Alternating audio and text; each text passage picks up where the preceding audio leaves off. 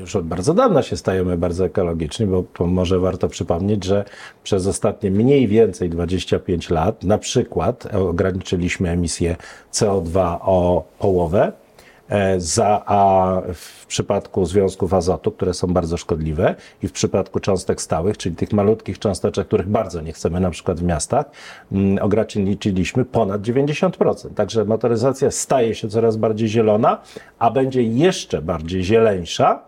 bo w 2035 roku chodzi, wchodzi w praktyce, nie zakaz administracyjny, ale w praktyce nie będziemy mogli kupić innego samochodu niż samochód albo bateryjny, elektryczny, albo wodorowy, albo napędzany paliwami syntetycznymi, czyli też zielonymi.